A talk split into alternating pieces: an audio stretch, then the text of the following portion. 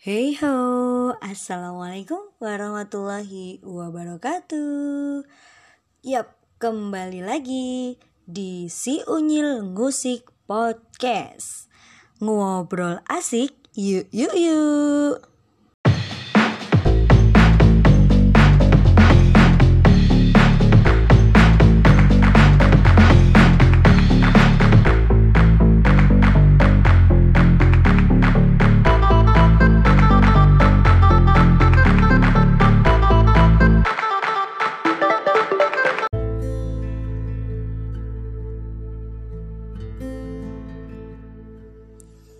Oke, em, kenapa sih aku harus ngobrolin ini? Mungkin gitu kali ya yang kalian bakalan tanyain. Corona lagi, corona lagi. Ya kayaknya ini virus trending topik nih. Sebenarnya nggak mau bikin panik, nggak mau bikin teman-teman tambah takut. Terus juga nggak mau sih bikin teman-teman yang makin ih apaan sih? Dikit-dikit corona dikit-dikit corona. Enggak enggak. Uh, aku cuma mau ingetin buat teman-teman semua. Stay safe buat kalian semua. Tetap uh, sesuai dengan surat edaran yang keluar bahwa di rumah aja. Hashtag di rumah aja atau stay at home. Yep. Itu cara kita bantu pemerintah untuk memberhentikan penyebaran virus ini teman-teman. Jadi gini kalau dibilang wah enak ngomong doang. Enggak enggak. Mungkin buat teman-teman yang sudah kenal aku tahu banget lah aku tuh bukan orang rumahan bukan orang yang bisa diem di rumah dengan lama nggak ke mana-mana itu bukan aku banget.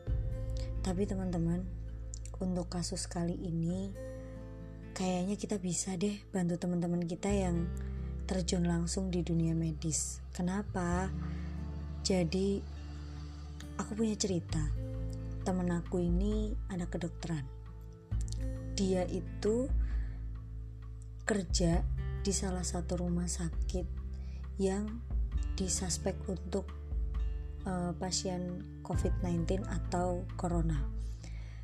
Bahkan dia sampai bilang gini, uh, sedih tahu ngelihat orang-orang malah pada nekat nongkrong-nongkrong di mall uh, pergi-pergi ke pantai. Padahal anak-anak ini diliburin bukan buat jalan-jalan bukan juga buat nongkrong-nongkrong di mall ketemu temen bahasin arisan. Bukan tapi kita dari tim medis itu minta ke teman-teman semua buat bantu ngurangin yang namanya penyebaran virus ini. Karena virus ini aja kita nggak pernah tahu kayak apa bentuknya. Dia penyebarannya kayak apa. Makanya tolong dong teman-teman bantu banget buat teman-teman kita nih yang kerja dan berjuang di medis. Bahkan mereka rela loh buat ibaratnya nyawa mereka nih. Kita nggak pernah tahu gitu loh. Nyawa mereka nih mereka dengan gampangnya buat nyerahin nyawa gitu deh gitu aja lah ke penyakit yang sekarang kita nggak tahu lah lagi kayak gimana nih merebaknya.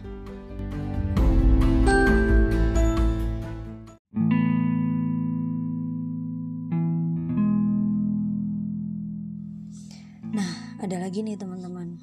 Kebetulan aku lagi chat sama temen aku yang punya kakak dan kakak ipar. Kakaknya sama kakak iparnya ini sama-sama dokter sama-sama kerja di rumah sakit yang rumah sakit itu dirujuk untuk pemeriksaan COVID-19. Padahal anaknya kakaknya ini lagi usianya 5 tahun. Kebayang dong teman-teman, gimana sih anaknya ini ditinggalin kerja bapak ibunya yang sekarang ini lagi keadaannya gentingnya luar biasa. Bahkan sampai si kakaknya ini bilang ke temanku ini ya, kalau bisa kerja dari rumah. Memang gak semua punya pilihan, ya termasuk dia itu. Tapi kalau bisa lebih baik gitu loh. Tapi kalau bisa lebih baik gitu loh. Kalau kena dia muda-muda itu nggak masalah, bisa nggak ada gejala, pulih sendiri. tapi kita bisa bawa-bawa virus ini kena ke kelompok rawan. Siapa sih yang rawan itu? Lansia, punya penyakit lain, contoh kayak kanker, hipertensi, terus perokok, yang asma, dan lain-lain. Virus ini, kalau kena orang-orang tersebut tadi, itu bahaya banget. Cepat sekali memburuk. Bukan, bukan panik guys. Ini yang perlu teman-teman pendengar tahu ya. Bukan panik, ini bentuk ikhtiar. Jadi, waktu zaman Rasulullah pernah ada wabah lepra. Itu pun Rasulullah menyuruh umatnya beribadah di rumah. Ada lockdown yang istilah itu sekarang digunakan. Nggak boleh pergi ke mana-mana. Maka sebenarnya fatwa MUI itu udah sesuai. Karena ini kan virus baru. Nggak kayak penyakit lain yang udah jelas cara penularan dan lain-lainnya ini masih terus berubah teorinya, berkembang. Kami pun dari medis masih belum kenal sama virus ini. Nah, ini pesan dari seorang dokter yang dia sendiri kerja di rumah sakit yang memang menangani COVID-19. Temanku juga bilang, gini nih yang harus kalian sadar ya. Ini yang disampaikan sama beberapa tim medis karena kebetulan aku punya temen yang anak-anak kedokteran itu banyak banget. Dari yang dokter gigi dokter umum ataupun spesialis ya. Tolong lah teman-teman kita bantu yuk teman-teman kita yang kerja di medis ya. Mereka ada yang pesan yang masih nyantai-nyantai keluar rumah atau ke kerumunan dalam hal tidak mendesak. For your information aja pemerintah sengaja redam isu supaya masyarakat gak panik. Karena Indonesia itu masih belum mampu untuk lockdown ekstrim kayak negara lain. Tapi sebetulnya keadaan tuh udah super gawat sejak lama. Orang medis pasti tahu betul segawat apa situasi ini. Percayalah, dua minggu gak akan lama untuk kita memutus mata rantai virus. Ya, seperti kata para dokter yang lain. Ini pun teorinya masih terus berkembang. Uji coba terus. Ini virus baru yang orang medis pun masih meraba-raba. Pemerintah nggak bisa kita harapkan. So, ayolah, paling nggak kita tuh bisa jadi harapan gitu loh buat keluarga. Terus, penyakitnya memang gejalanya ringan. Peluang sembuhnya besar. Tapi kalau yang sakit makin banyak, fasilitas kesehatan kita nggak siap jadinya terlantar semuanya. Yang harus sembuh malah nggak keurus. Ya gitu aja sederhananya. Contoh konkret lagi nih ya yang ada di Indonesia nih teman-teman. Wabah DBD yang udah langganan di musim hujan di negara kita selama berpuluh-puluh tahun. Tetap aja kan makan korban jiwa. Alasannya simpel. Kenapa bisa makan korban jiwa coba? Padahal DBD itu udah berpuluh-puluh tahun ada karena fasilitas kesehatan kita seadanya kan? Makanya tolonglah kalau udah sadar Indonesia ini hanya punya fasilitas yang seadanya ya kita bantu gitu loh. Jangan kita tuh justru jadi penyebar virus itu juga kayak gitu loh. Nah dia nih temanku juga ada kebetulan dia bilang alhamdulillah suami kerja di kementerian. Mbak Emas dua-duanya di rumah sakit rujukan corona jadi insya Allah dapat info valid. Nah, nih dia bilangin lagi satu fakta yang ngeri-ngeri sedep nih. Pemerintah kita itu nggak tanggap, masyarakatnya nggak bisa kompak.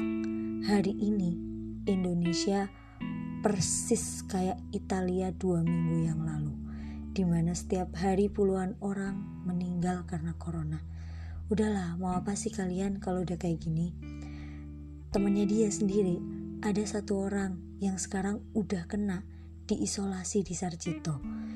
Dia kosan di daerah Jembatan Merah Kejayan. Orang Jogja pasti tahu. Habis main sama temennya yang datang dari Jakarta dan keduanya sekarang kena. Ya temennya dia itu sama yang dia temuin yang dari Jakarta itu. Dua-duanya tuh kena. Nah, makanya teman-teman yang gak perlu-perlu banget buat keluar rumah, gak usah lah nyetok makanan yang bisa buat dimakan di rumah. Nggak usah aneh-aneh. Terus gini jadi misal gini ya teman-teman. Misal kamu tertular nih tapi imunnya bagus. Bisa sih kamu tuh nggak kenapa-napa terus sembuh. Tapi kamu tuh udah terinfeksi loh teman-teman. Jadi walaupun imunmu sudah bagus tapi kamu udah terinfeksi. Nah dan yang terinfeksi itu sangat bisa menularkan nah ini loh kayak gitu. Makanya ini juga ada temen ada cerita dari temennya dia yang kantor suaminya domisili di Jakarta. Mereka itu dengan sadar diri nih mau meriksain diri. Bahkan beberapa ada yang berinteraksi sama pasien positif COVID-19 sampai mereka bilang gini di rumah sakit selagi mereka nggak demam nggak menunjukkan gejala sakit kamu tuh bisa dicuekin. Nah dicuekin dalam artian gini ya ditolak sama rumah sakit buat ngelakuin pemeriksaan. Jadi yang yang diterima buat ngelakuin pemeriksaan itu yang jelas-jelas demam yang menunjukkan gejala sakit kayak gitu loh. Nah kebayangkan kalau taunya mereka ini yang positif aja nggak punya tanda-tanda aja bisa nyebarin virus covid ini sendiri gitu loh. Nah makanya tolonglah teman-teman harus waspada. Benar-benar waspada. Jangan ngegampangin ah, kok temanku juga sehat? Yang penting aku bisa ketemu. Please jangan. Tolong jangan. Sampai aku bilang juga kebetulan aku ngajar di Taman Pendidikan Al-Quran.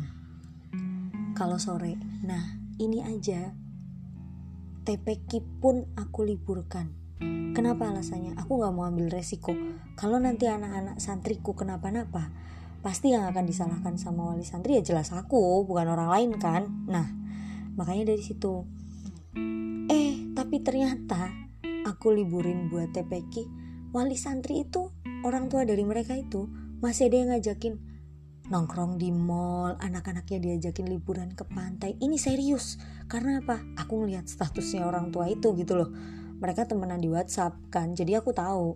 Nah terus yang sekarang kita mau bahas adalah tambahan lagi Jogja itu belum setegas gubernur Jawa Tengah.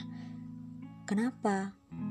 Jogja itu belum lockdown teman-teman. Jogja belum lockdown dari Sri Sultannya. Beda sama Solo Solo ketika punya pasien yang positif COVID-19 itu langsung di lockdown. Kok aku bisa tahu sih? Mungkin kalian ada yang tanya gitu. Ya adikku sendiri waktu dapat edaran lockdown itu dia bingung pulang gak ya nanti kalau aku nggak nggak pulang aku bingung di Solo tapi kalau aku pulang nanti takut nularin tapi enggak aku bilang sama adikku pulang kenapa karena kalau dia terus di Solo yang keadaannya kita nggak pernah tahu aku juga tega. Nggak nggak tega maksudnya aku nggak tega gitu sama dia. Masa iya dia di Solo sendirian gitu di kosan teman-temannya pulang? Nah kebetulan saat itu daerahnya dia sama sekali insya Allah masih aman gitu loh. Makanya akhirnya aku bilang udah pulang gitu. Itu aja sampai rumah. Ayah aku langsung bilang ganti baju langsung mandi cuci segala macem cuci bajunya rendam segala macem. Iya di rumahku sudah menjalankan proses lockdown teman-teman. Aku nggak tahu kenapa di Jogja belum berani lockdown. Kalau banyak yang bilang Sri Sultan ini takut karena ekonominya sih ekonomi Jogja ya secara ya kota pariwisata gitu kan. Masalahnya apa? Yang diumumkan di media itu hanya empat yang positif COVID-19 tapi yang kalian tahu asal kalian yang belum kalian tahu maksudnya. Sorry belibet. Jadi yang belum teman-teman tahu di Sarjito ini udah belasan itu kemarin ya kemarin tanggal waktu ini belum heboh. Sekarang udah tambah katanya. Tanggal 17 Maret hari Selasa kemarin. Itu belasan. Coba gimana hari ini? Itu bisa jadi ya bisa banyak. Nggak tahu ya kenapa Sri Sultan belum berani ngelockdown Jogja? Yang jelas ini kondisi yang nggak bisa kita anggap sembarangan teman-teman. Oke kita mau ngomongin kita punya Tuhan kenapa sih harus takut? Nggak gitu sobat pendengar nggak gitu. Oke kita punya Tuhan tapi Allah itu juga menyarankan untuk manusianya ikhtiar. Bahkan ketika kita memang ada penyakit yang seperti di zaman Rasulullah terjadi itu waktu itu lepra Rasulullah aja nyuruh umat di sekelilingnya untuk tetap di rumah sholat di rumah. Bahkan ini ini sudah dikeluarkan fatwanya sama ulama-ulama gitu loh.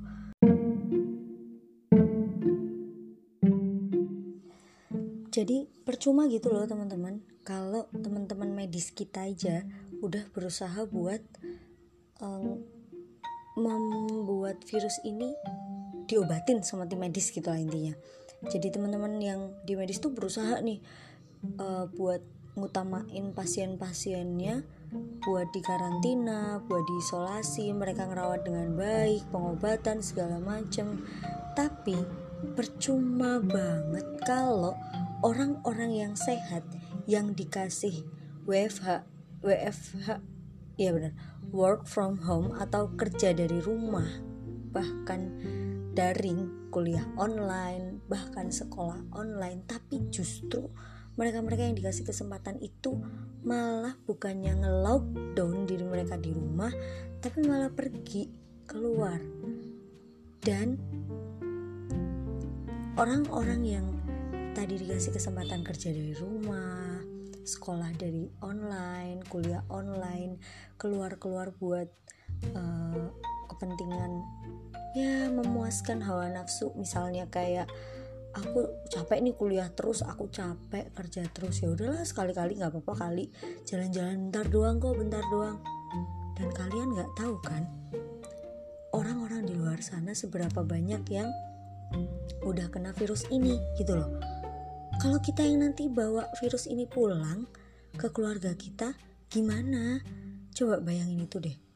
Jadi tim medis itu nggak bisa apa-apa tanpa kerjasama dari kita teman-teman.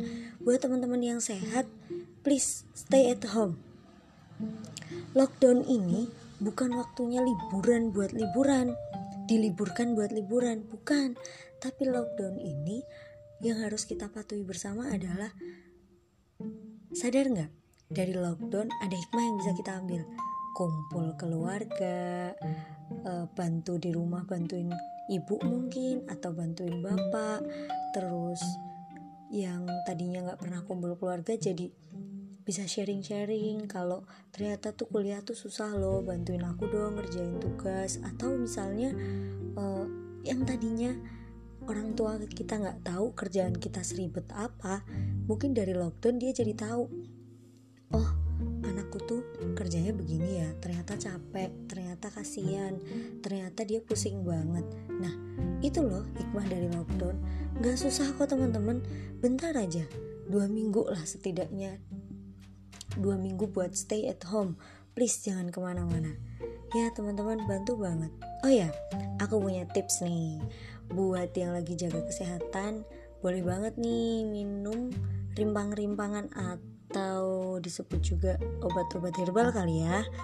Misal gini kalian nih lagi jaga daya tahan tubuh ya. Minum jahe kunyit campurannya asem plus madu sama serai. Gini gini. Aku kasih tahu tipsnya. Yang pertama kalian ambil jahe sepanjang jari telunjuk kalian.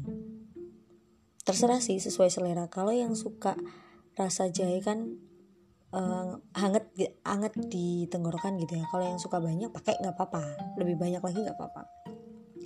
Terus kunyit, kunyit lebih pendek dari jahe. Nggak usah sama, banyakin jahenya, kunyitnya lebih sedikit. Terus ambil serai Nah, ambil serai ini yang dipakai ujung bawahnya aja. Jadi yang ke akar itu loh, itu kan warnanya putih itu keras. Nah, ambil kira-kira sepanjang jari tengah, sepanjang jari tengah.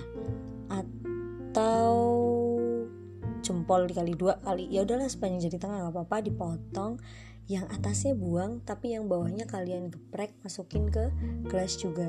Terus kalau bisa pakai asam jawa. Nah kalau yang suka manis pakai gula jawa atau gula aren aja. Jangan pakai gula pasir pakai gula aren sedikit ditambahin madu. Itu penambah stamina teman-teman. Nah obrolan kita tentang ngobrolin si corona ini kelar dulu deh ya hari ini. Besok kita bahas tentang hal yang lain karena yang di request teman-teman buat dibahas di podcast belum masuk sama sekali nih. Karena yang lagi rame isu ini dan dari kemarin teman-teman banyak yang ah, sebenarnya kita tuh lockdown ngapain sih? Oke lah akhirnya aku bahas di sini gitu ya teman-teman. Terus buat kalian yang sekarang lagi ngejalanin lockdown semangat ya. Uh, jaga kesehatan jangan lupa cuci tangan pakai sabun terus minum makanan yang bergizi terus minum minuman herbal yang tadi aku sebutin tipsnya itu juga boleh banget. Terus stay at home please kalau nggak penting-penting banget nggak usah keluar rumah ya. Jadi kita taati aja peraturan pemerintah yang kali ini. Insya Allah bermanfaat buat kita semua. Jadi tetap jaga kesehatan buat teman-teman semua.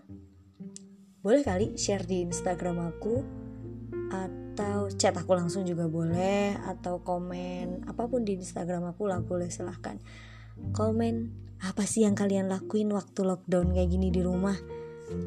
Biar nggak bosen.